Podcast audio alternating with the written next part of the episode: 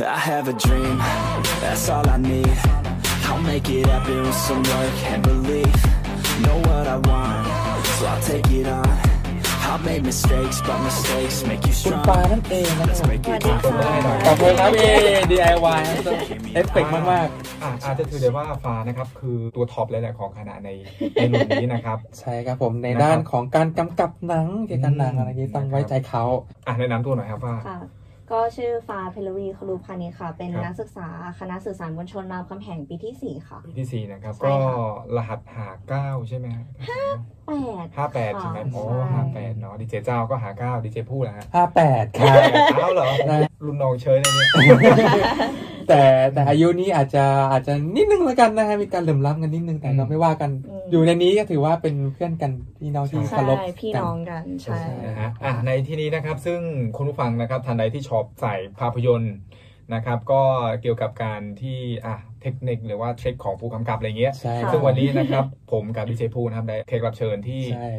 อ่ะมีฝีมืออย่างมากมายนะครับ อย่างเช่นในรามแลนด์ของเราเนาะซึ่ง เป็นซีรีส์ใช่ เป็นซีรีส์รามแลนด์ ซี ใช่ไหมฮะ ซีรีส์ค่ะใช่เป็น อ่า ซีรีส์ เป็นซีรีส์ซึ่งเป็นฝีมือของน้องฟ้าเลยนะครับที่ โอ้ เป็นผู้ ส่วนใหญ่ กำกับ ก็ โดยตรงเลย ก็ นะฮะ ก็ใช่ค่ะที่จริงมีกำกับร่วมด้วยก็คือพี่อ้นจามิกรค่ะ แล้วก็ อ่า ใช่ก็จะมีอาจารย์เจ๋งด้วยค่ะ ที่เป็นคนคอนโทรลงานทั้งหมดแล้วก็ อ๋อ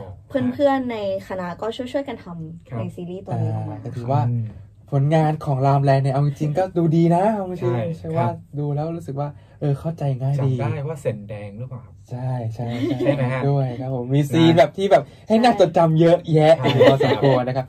อ่ นั่นแหละเออ นะครับผมอยากทราบว่าน้องฟ้าครับในการที่ทำรามเรนออกมานะครับ กว่าจะได้หนึ่งเสรีนี่ออกมามีความยากลำบากอะไรบ้างครับในการกระบวนการทำงาน ที่จริงรามแลนด์ในส่วนของฟาฟารู้สึกว่าไม่ได้ลำบากใจอะไรเลยอ่ะ ครั พี่ บ เพราะว่าทุกคนคือคือมันทำงานด้วยความสนุกกันหมดเลยนะ อืม อื ครั ม บ แล้วก็แต่ว่ามันติดปัญหาที่ว่าทุกคนรวมถึงฟ้าด้วยอ่ะ อ่า ตอนในช่วงในช่วงตอนที่เริ่มถ่ายออกกองถ่ายเมื่อสองปีที่แล้วอ่ะ ครับ ทุกคนมันใหม่หมด ม พอทุกคนใหม่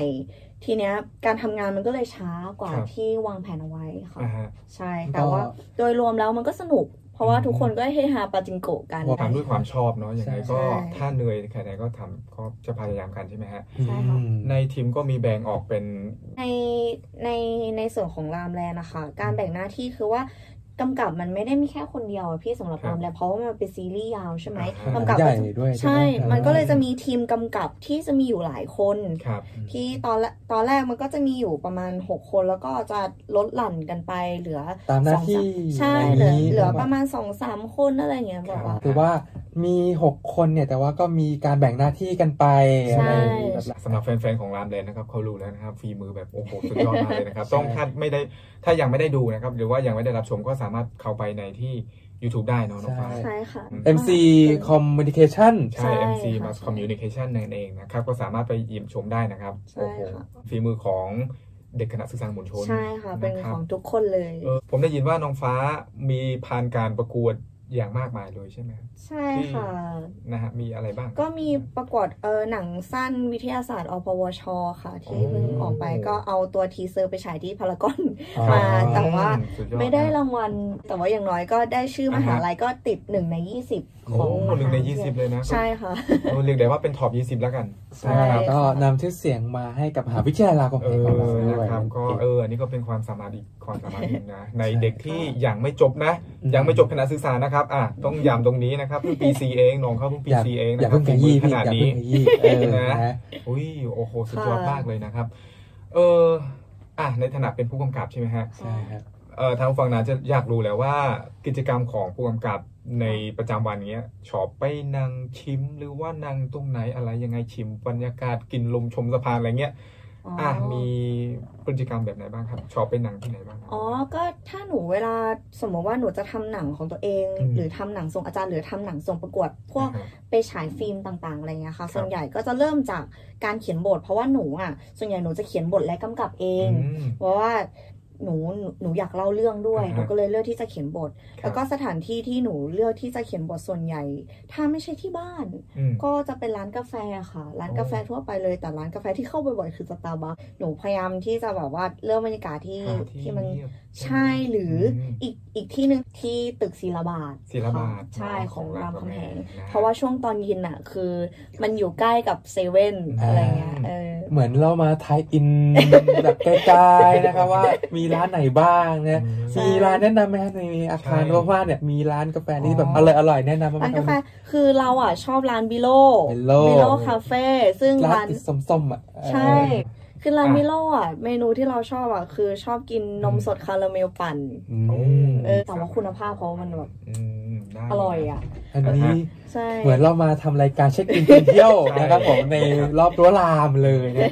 เอาพูดถึงร้านกาแฟแล้วพูดถึงร้านข้าวดีกว่า อ่ะร้านข้าวอย่างเช่นร้านอาหารนี้ป่ะ ค่ะ มีร้านประจำในอะไรยังไง ในมหาลัยหรือรอบรั้ว ครับ แถวๆแบบตามคำแหงเงี้ยแบบ เดินไม่กี่ก้าวผมเชื่อว่าทุกคนก็ในมหาลัยอาจจะขี้เกียจเดินไปหาอะไรกิน แต่ว่าอยากให้ อ๋อ คุณฟ้าแนะนำหน่อยว่า ได้ มีร้านอะไรน่ากินบ้างวันนี้ ที่จริงหนูอะชอบกินร้านอาหารตามสั่งซึ่งร้านอาหารตามสั่งเนี้ย ชื่อร้านว่าคนเมืองฉะ ค มัน น จะ เมืองฉะ ใช่มันจะอยู่ในนพม่านี่แหละ ฝั่งด้านท้ายๆเลย อื โอ้ ม อ่าฝั่งด้านอีกฝั่งนึงอะค่ะ ครับ พี่ไม่ใช่ด้านหน้าเนาะ อืม เดินตรงไปปุ๊บอยู่ฝั่งด้านซ้าย มันจะเป็นร้านแบบว่าให้เลือกเลยว่าวันนี้จะกินชูชีอะไรวันนี้จะอะไรแบบครีเอทได้หมดเลย อืม แล้วก็ราคาเขาประมาณ 30-35 บาท ราคาย่อมเยาอะไรอย่างงี้มากกว่า ใช่ เออ ใช่ คือว่าไอ้ตรงนี้นะครับที่น้องฟ้าเขาบอกว่าเขาชอบไปที่ไหน เพื่อมีน้องๆที่เขาอยากไปด้วยซึ่งตรงนั้นนะครับถ้าไปด้วยนะครับน้องฟ้าอยู่ที่นั้น เพราะฉะนั้นเราต้องแต่งตัวหล่อๆไว้ทำงานแต่งผมให้ดีให้ดีนะครับ ครับผม เพื่อเพไปราะว่า เดินแต๊กแต๊กแต๊กแต๊กแต๊กหน้าน้องฟ้าเดี๋ยวอาจจะน้องฟ้าจะคินบทออกมา ใช่ แล้วก็อาจจะติดต่อคนนั้นก็ได้ได้ทราบข่าวว่าเป็นนักแสดงของน้องฟ้าส่วนมากเป็นนักศึกษาที่รามคำแพงโดยตรง ใช่ค่ะ ด้วยหรือ ใช่ เปล่านะ ใช่ค่ะส่วนใหญ่ก็จะแบบว่าดึงแบบว่า เอ๊ะ ม เราอยากได้คาแรคเตอร์แบบนี้ เราก็จะถามรุ่นน้องหรือรุ่นพี่ว่าเออ ม พี่รู้จักคนประเภทนี้ไหมแบบนี้รูปร่างหน้าตาการคุยการเดินอย่างนี้ไหม อืม แล้วหนูก็จะติดต่อไปส่วนใหญ่ก็จะเป็นเด็กรามแทบจะร้อยเปอร์เซ็นต์เลย โอ้โห ค่ะ แทบจะร้อยเปอร์เซ็นต์เล เรี ย ยกว่า ใช่ ทำมาหากินแต่เด็กมอลาเต็มที่เลยเยี่ยม คือ เลย เออถ้าพูดไทยนี้ก็ให้โอกาสเด็กรามนะ ใช่ เกือบร้อยเปอร์เซ็นต์เลยนะครับที่เข้าหลักสายนี้สายการแสดงอะไรเงี้ยครับ แสดง เออก ำกับหนังอะไรอย่าง เฮ้ย งี้ ไม่ เนาะ ว่านะอาจจะมีโอกาสนะ ถ้ามีความสามารถในการแสดง แล้วก็มาเจอกับน้องฟ้า ซึ่ง ใช่ เป็นผู้เขียนบทที่นะ ที่ตรงกับ มือฉมังนั่นแหละ คาแรคเตอร์ของนักแสดงอาจจะบูมได้นะ ใช่ครับผ เอ ม อ อาจ ต้อง จะดังได้นะ นะครับโอ้โห ถือว่าน้องฟ้าก็ไม่ไปไกลจากรามนะ ก็อยู่บริเวณรามนี้นะครับ ก็ก็อยู่แถวๆนี้ เอ ค่ะ อน้องฟ้าจบจากไหนมาครับคือก่อนที่เขามาเรียนรามครับ อ๋อ ตอนแรกตอนมัธยมหนูเรียนที่เตรียมอุดมศึกษาพัฒนาการ อ่า แล้วน้องฟ้าจะมีแรงบันดาลใจอะไรไหมจึงทำไมจึงตัดสินใจว่าเอ๊ะ ค่ะ ดิฉันต้องเดินสายนี้สายผู้กำกับนี้อะไรยังไงครับ อ๋อ คือมีพี่น้องหรือว่า อ๋อถ้า ในสายเลือดไหม ถ้าถ้าพูดตรงๆคือแม่กับน้าหนูอ่ะเป็น โอ้ ผู้กำกับ ครั ค่ะ บ คืออ ม น้าหนูเขาเริ่มมาจากแบบว่า อืม กำกับ yes or no โอ้ ค่ะแล้ว yes ก็ or no ซึ่งเป็นอันนี้เลยนะอ่าฮะ ใช่เป็นเป็นหนังเลสเบี้ยนอยู่ ครั พั บ กหนึ่งใช่ ค่ะ โอเคโอเคได้ครับได้ได้ อ่า แล้วก็เขาก็กระเถิบมาทำเป็นพวกซีรีส์พวก Full House เวอร์ชันไทย ครับ ค่ะ หรือว่าพวก Kiss Me เวอร์ชันไทยอะไรประมาณนี้ค่ะ แล้วก็ตอนนี้ก็กำกับช่อง 3 อยู่ อืม ค่ะส่วนแม่ก็ตอนแรกก็ทำละครอยู่ช่อง 5 แล้วก็ตอนนี้ก็เริ่มกระเถิบมาทำหนัง ครับ แล้วก็เรื่องล่าสุดที่กำลังจะเข้าลงภาพยนตร์วันที่ 20 นี้ก็คือเรื่อง The Message ค่ะ เดอะมิสเซจ ใช่ ให้ครับโปรโมทกันสักหน่อยนะครับผม วันที่ ได้ได้แล้ว 20นะครับคนผู้ฟัง ใช่ ฮะ ค่ะ วันที่ 20 นี้ เจอ นะ เม ค เจ รับ อร์แต่ว่าก็เป็นแนวหนังแนวพระพุทธศาสนาแนวเขาๆอะไรประมาณนี้ โอ้ อ่า ซึ่ง ก็เป็นหนังแบบว่าเป็นหนังคุณธรรมจริยธรรมแล้วกันแบบว่าธรรมะย่อมชนะอธรรม อืมนะครับมี แล้ว แสงตลกอะไร อ้อสปอยไม่ได้ เอาไม่ได้ครัไม่บ ได้ อย่า ส ไป ป ป อ ล่อย ย ค ค รั รั บบ ใช่ไหม อยากให้คุณผู้ฟังเนี่ยดูกันในโรงภาพยนตร์เอกับชื่อหนังอะไรนะครับอันนี้ The Message ค่ะ ครับผม อันนี้อันนี้ชื่อนางบอกได้ใช่ไหมครับ ใช่ อ่า ได้เสร็จได้ ฮ้ยเราสองคนนี่ชอบแบบ อืม ต้องเอาให้ถึงอะอ่ะ ใช่อย่าเพิ่งขยี้ค่ะอย่าเพิ่งใหญ่าเพิ่ง เอออ อย่าเพิ่งสปอยให้อยากให้คุณผู้ฟังไปดูเองว่าหนังเนี่ยมันเป็นยังไงนั่นเองนะค อ่า รับผม งั้นก็สรุปมาน้องฟ้าก็มีสายเลือดเป็น ผู้กำกับอยู่แล้ว อย่างเช่นคุณแม่แล้วก็คุณพ่อนะครับเป็นผู้กำกับ พ่อพ่อเป็นนักธุรกิจเฉยๆค่ะ อ๋อ ไม่ใช่ไม่ใช่พุ่มกับ โอ้แต่ว่าคุณแม่เป็นผู้กำกับ ใช่ค่ะ จ ฝั่ง เป็น แม่กับน้า ครับ ใช่ อันดับชาติเลยนะนะครับอันดับประเทศเลยนะครับ ไม่ขนาดนั้นค่ะ ไม่ไม่ถึงขนาดนั้น นี่ก็เป็นแรงบันดาลใจหนึ่งที่น้องฟ้าจะตัดสินใจในการใน เออ ถามว่าเป็นแรงบันดาลใจไหมฟ้ารู้สึกว่าที่จริงการที่พ่อแม่เราเป็นอะไรเรา ครับ ที่จริงเราไม่จำเป็นต้องเป็นอย่างนั้นก็ได้ อืม แต่ส่วนหนึ่งที่ฟ้าเลือกที่จะกำกับเพราะว่าฟ้าชอบเล่าเรื่อง อ่าฮะ แต่ฟ้าเป็นคนพูดพูดไม่เก่ง อืม แต่ฟ้ากลับเลือกที่จะใช้ภาพในการเล่าเรื่อง โอ้ มันก็เลย ฮะ เกิดเกิดความที่ว่าเออฟ้าอยากเป็นผู้กำกับค่ะ อืม ใช่ โอ้โหสุดยอดมากเลยครับ ฟังแล้วขนลุกเลยนะ ก็ประมาณนี้ให้มันแบบพอ ใช่ หอมปากหอมคอก่อนละกันนะเพราะว่า ใช่ มันจะหมดเวลาแล้วนะครับผมนี้จุดๆนี้ ต้องขอขอบคุณเนาะแขกรับเชิญวันนี้มากนะครับ ที่ ขอบคุณมาก ให้โอกา ค ส รับ นะครับ เราสองคน วันนี้สัมภาษณ์ ใน นะฮะ อา ก็ ร์ซี คุย วิดีโอ ใช่ครับผม นะ นะฮะ ครับผมก็ต้องขอขอบคุณนะครับ แล้วก็ขอ นะ เอ่ออวยพรให้น้องฟ้าได้ประสบความสำเร็จ ใช่ครับผม นะ ขอให้ผ่านวิจัยนะครับ ตั้ แล้ว งก็ใจไว้จบไวๆนะ อ่า ขอให้จบไปไวๆดีกว่าค่ะ ใช่ นะค ค รั รั บบ ผ ผม ม วันนี้นะครับ RU Easy Radio ของเราเนี่ยก็ดำเนินรายการมาทั้ง 3 ชั่วโมงแล้วนะครับ ผมก็ต้องขอขอบคุณเนาะคณะสื่อสารมวลชนที่ขอบคุณทุกๆท่านที่รับฟังกันมาตลอดเนาะถ้าผิดพลาดในประการใดเนาะก็ต้องขออภัยกันด้วยนะครับ สามารถรับฟัง RU Easy Radio ได้ ทุกวันจันทร์ถึงศุกร์นะครับผมเวลา 14 นาฬิกาจนถึง 17 นาฬิกานะครับผมทั้งหลายช่องทางเลย FM 98.75 MHz แล้วก็แอปพลิเคชัน RU Easy Radio นั่นเองทั้ง iOS และ Android เลยนะครับผม ค ค่ะ รับผม ก็เรามาฝากประมาณนี้ก่อนละกัน เพราะว่าเรารุ่นทีสี่ 4 แล้วเราก็จะมาทำงานที่นี่เป็นน่าจะเป็นที่สุดท้ายละ อ่าแต่ว่ายังมีรุ่น 5 ที่มอบความสุขให้คนฟังอยู่ ใช่ นะครับ